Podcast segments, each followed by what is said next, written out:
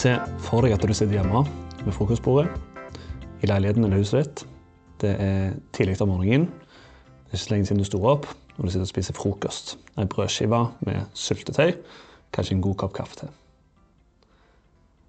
Så ser du på klokka, så tenker du shit, det er bare ti minutter til bussen min går. Og jeg må rekke den for et viktig møte som starter tidlig på dagen.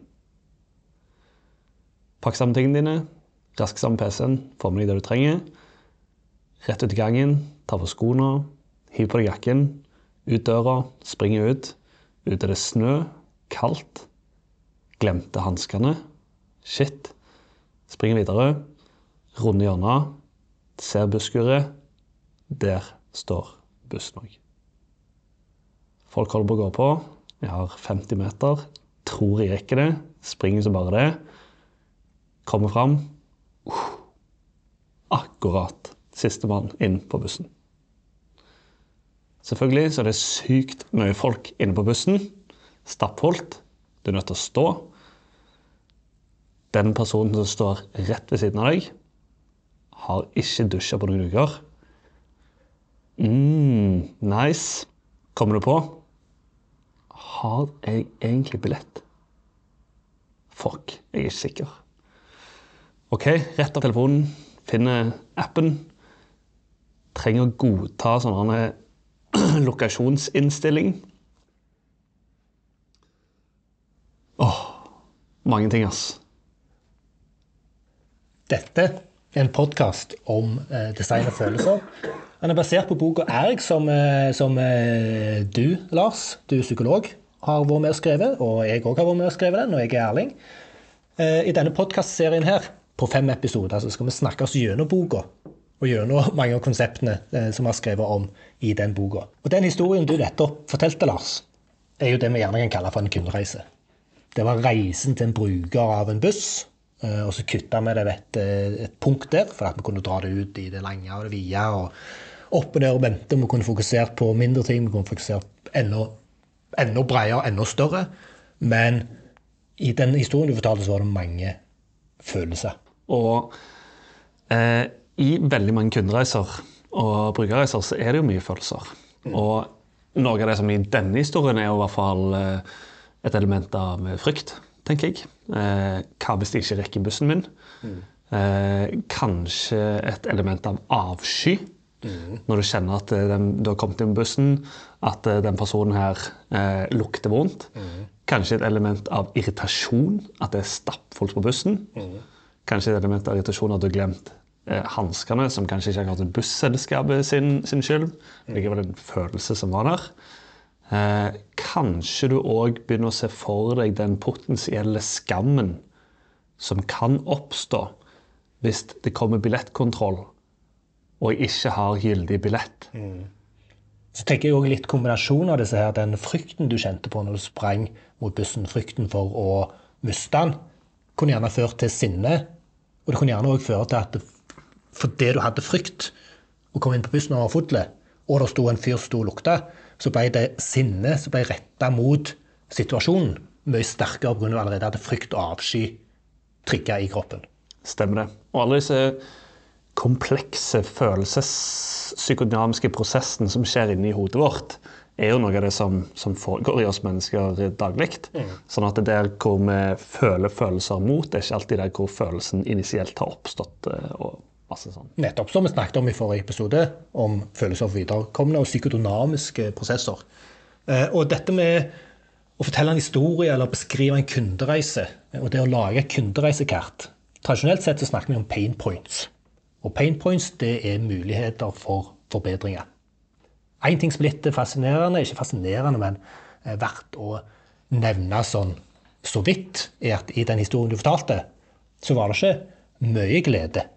Men det var gjerne litt som en kan beskrive som glede, og det var når du eller den historien klarte å nå bussen.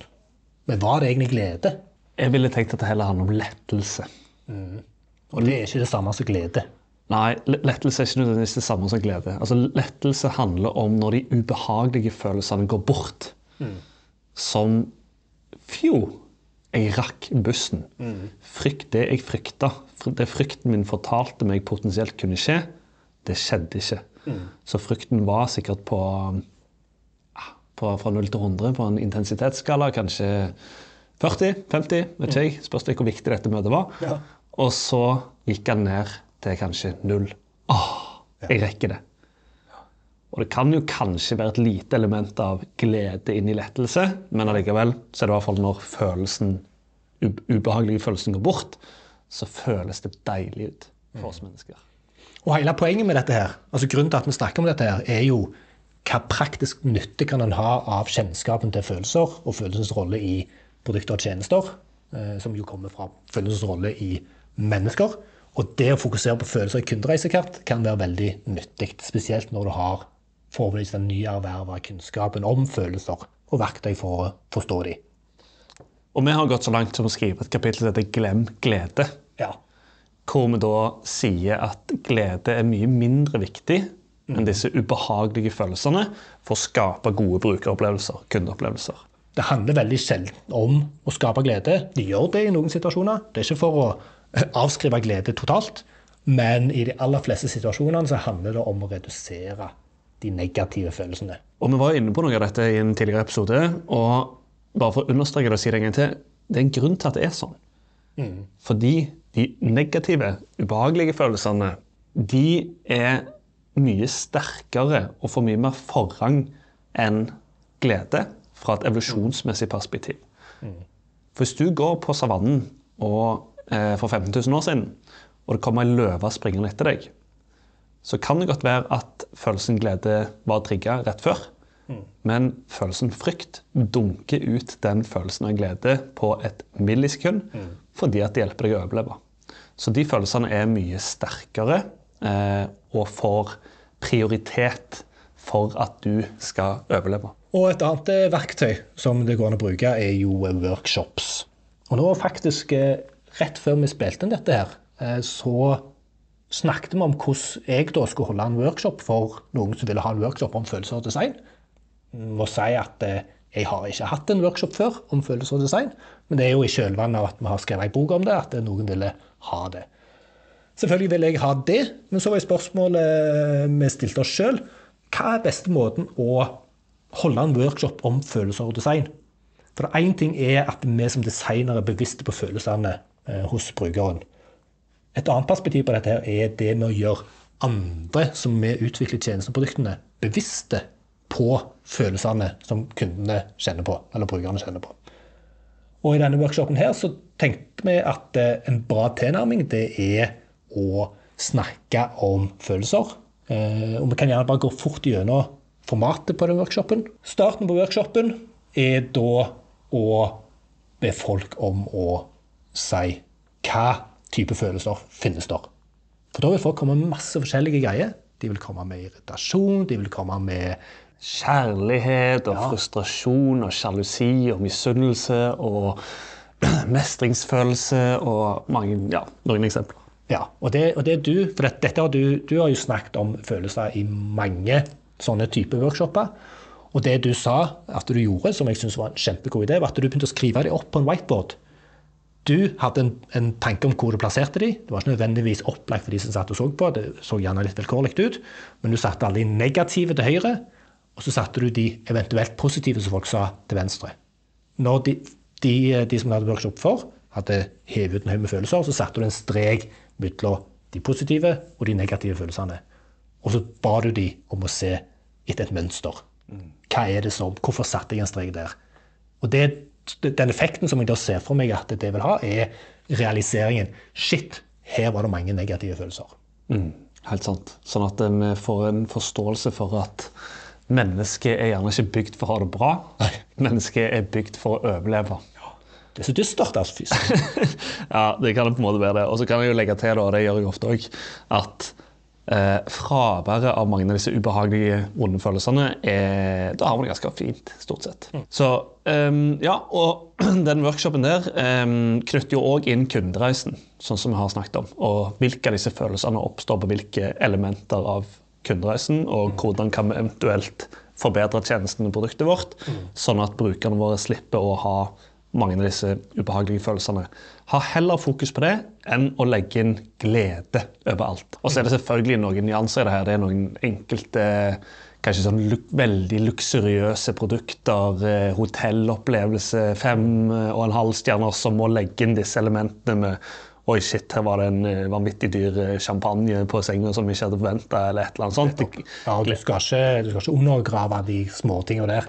Kjempeviktig. Helt klart, men så vil jeg tro at femte gang du kommer tilbake til det samme hotellet, så blir du ikke så veldig trigga på Ja, glede. da blir du egentlig bare skuffa hvis det ikke ligger champagne på senga. Nemlig. Og da kan jeg tipse forresten om Kano-modellen, Ja, som er snakker om delighters som et element av eh, produkt og tjenester. Mm, Og hvordan blir vant med de tingene som ved ett punkt er bra, men etter hvert blir en forventning. stemmer.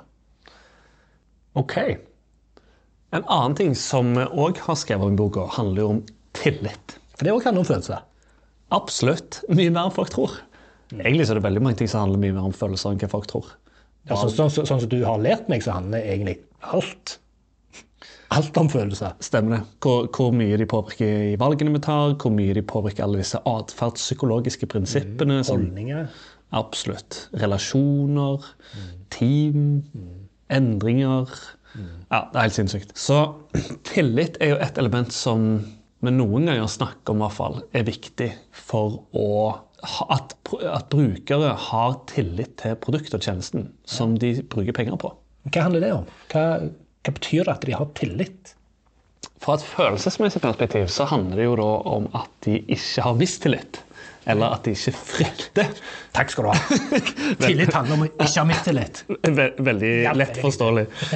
Og, men vi kan si at mistillit ofte handler om frykt. Så ofte så handler tillit om fraværet av frykt.